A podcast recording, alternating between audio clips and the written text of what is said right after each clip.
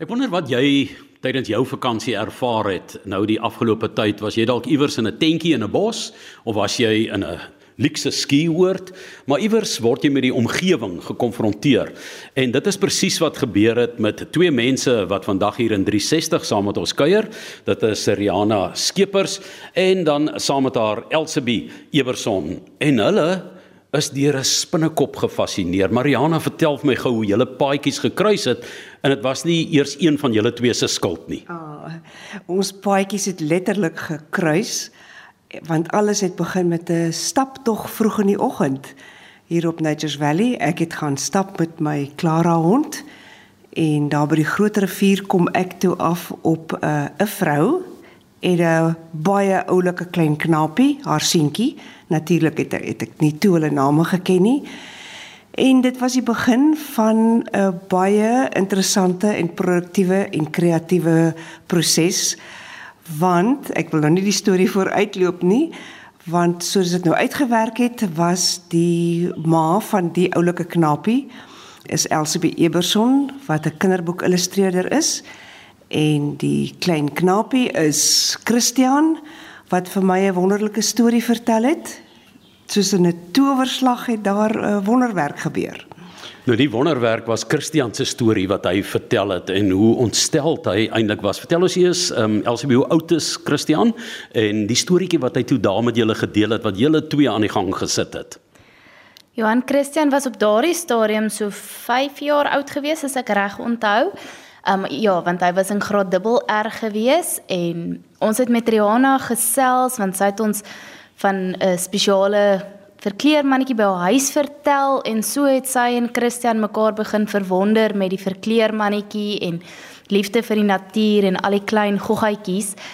En hy vertel toe van hoe hy hartseer is by die skool. Rihanna het natuurlik belang gestel in sy doen en late en sy skool en sy juffrou en geniet hy dit en toe sê hy, maar weet jy, hy is eintlik baie hartseer want sy juffrou maak spinnekoppies dood as daar 'n spinnekoppie in die klas is en ek brei toe uit oor die storie en vertel hy kom menigte male tuis en dan sy in trane oor die die saak wat die spinnekoppie nou doodgemaak word en hy tussen die trane en die snot deur verduidelik hy maar die juffrou kon maar net 'n glasie oorgesit het en 'n papiertjie onder en die spinnekoppie uit die klaskamer geneem het. Sy hoef hom nie dood te maak nie. En dit was maar die oorsprong van hierdie storie van Saartjie. Nou ja, dit was by Nature's se brug, né, waar by die groot rivier wat die dinge gebeur het. Maar hierdie Saartjie, en dit is nou Saartjie die spinnekop, het net sewe bene. En gewoonlik dink ek as ek kan onthou van Arachnida op skool, my biologieklasse het 'n uh, het 'n spinnekop ons 8 bene. Ja, nou weet 'n kind sommer 'n spinnekop het nie 6 bene nie. Mens kry nie 'n been by nie, jy verloor eene. Uh, Johan, ons het die hele storie ontwikkel rondom die storie van van Christian wat hy baie hartseer was oor die spinnekoppie wat dood gegaan het en omdat die ekologie vir my bitterlik belangrik is en omdat die deernis en die verstaan en die begrip en die liefde wat kinders moet hê vir die natuur vir my op hierdie oomblik ontsettend belangrik is. Dis seker nou my ouderdom wat my meer weerloos maak en meer bewus maak van die bewaring van die natuur het ons besluit nou maar goed hier hier het die noodlot ons saamgegooi 'n uh, skrywer en 'n illustreerder en Saartjie het ontstaan, maar die wonderlike ding is dat die illustrasies van Saartjie is gebaseer op presies 'n spinnekoppie wat Elsabie en en haar seuns hier raak geloop het. En die storie gaan nou oor hoe Saartjie haar een beentjie verloor het. En dit is 'n bietjie hartseer, maar ek dink hy het darem 'n goeie einde. Ja.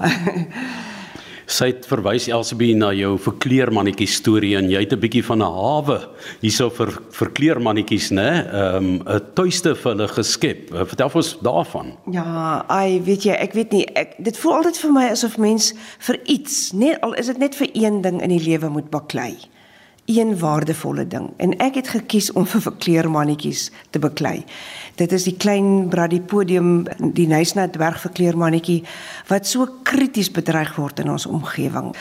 Hulle word so argeloos vernietig deur deur mense wat onkundig is, deur gifspuit, onnodige gifspuit en en ek het net besluit ek gaan 'n veilige hawe in my omgewing skep vir verkleermannetjies en ek doen my uiterste bes om om hulle veilig te hou so elke verkleermannetjie wat seer kry 'n afstertjie of 'n enetjie wat se oogie uit is of die mense bring hulle na my toe en ek sorg dat hulle veilig is en hulle teel aan.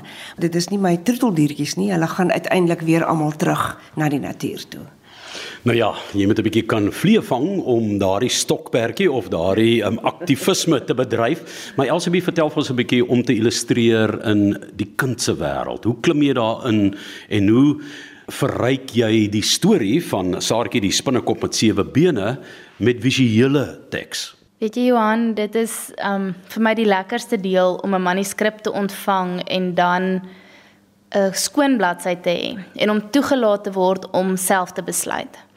So om 'n manuskrip te ontvang sonder enige illustrasie notas en toegelaat te word om dan self 'n karakter te skep, 'n kleurskema te skep, die die blad uitleg te beplan, elke blaai saam met die teks te ontwikkel Um want dit gaan nie net oor die illustrasie nie. Die illustrasie en die teks moet op elke bladsy saamspeel om vir die leser daai balans van teks en illustrasie te kan gee sodat hulle inklim in die storie in. Dit moet saamwerk met mekaar.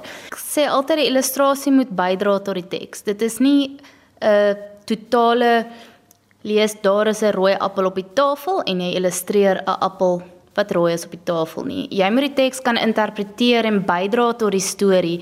Jy moet vir hulle klein eh, in Engels sê hulle Easter eggs, maar klein paaseiertjies wegsteek. Jy moet vir alles jy 'n reeks boeke doen, is dit so lekker om 'n karaktertjie wat in 'n vorige reeks is, weer iewers weg te steek op 'n blaartjie of in hierdie boek met insekte ander karaktertjies en insekte buite sit wat die kindertjie sê, "Ooh, daar's Saartjie" of "Ooh, wat is hierdie? Hierdie is 'n bidspringkaan." Of hier's 'n verkleermannetjie en Ons as skrywer en illustreerder weet wat is die rede vir daai verkleermannetjie en vir kinders om dit te kan ontdek is vir my wonderlik. So sê Elsabie Eberson, sy is die illustreerder van Saartjie die spinnekop met sewe bene en saam met haar die skrywer Rihanna Skeepers en sy het eintlik Rihanna bietjie ontsluit asof dalk 'n ekologiese reeks kan volg. So wil jy nie asseblief vir ehm um, hierdie Australopithecus verduidelik of daar nog 'n opvolg is nie. O ja, o ja. Ek wil net sê Elsabie se illustrasies is vol aksie en humor. Ehm um, ek het dit so geniet om te sien hoe 'n gil uitgebeeld kan word in 'n illustrasie dat jy sommer kan hoor hoe gil iemand dit is fantasties en humor. En ons het so goed saamgewerk en ons het so in harmonie ons kreatiewe prosesse is in harmonie dat ehm um, die volgende karaktertjie het het homself net aangemeld en dit word nou 'n klein reeks van ekologiese belang hoop ek sonder 'n preek waarin ons vir die kleintjies vertel hoe om die natuur te respekteer, hoe om van goggas te hou, hoe om hulle te bewonder en veral hoe om hulle te beskerm. Dit is skrywer Rihanna Skeepers, illustreerder Elsabie Eberson met wie ek gesels het hier in Nature's Valley oor hulle poging tot Saartjie, die spinnekop met sewe bene beslis nou die bekendste Saartjie in Suid-Afrika.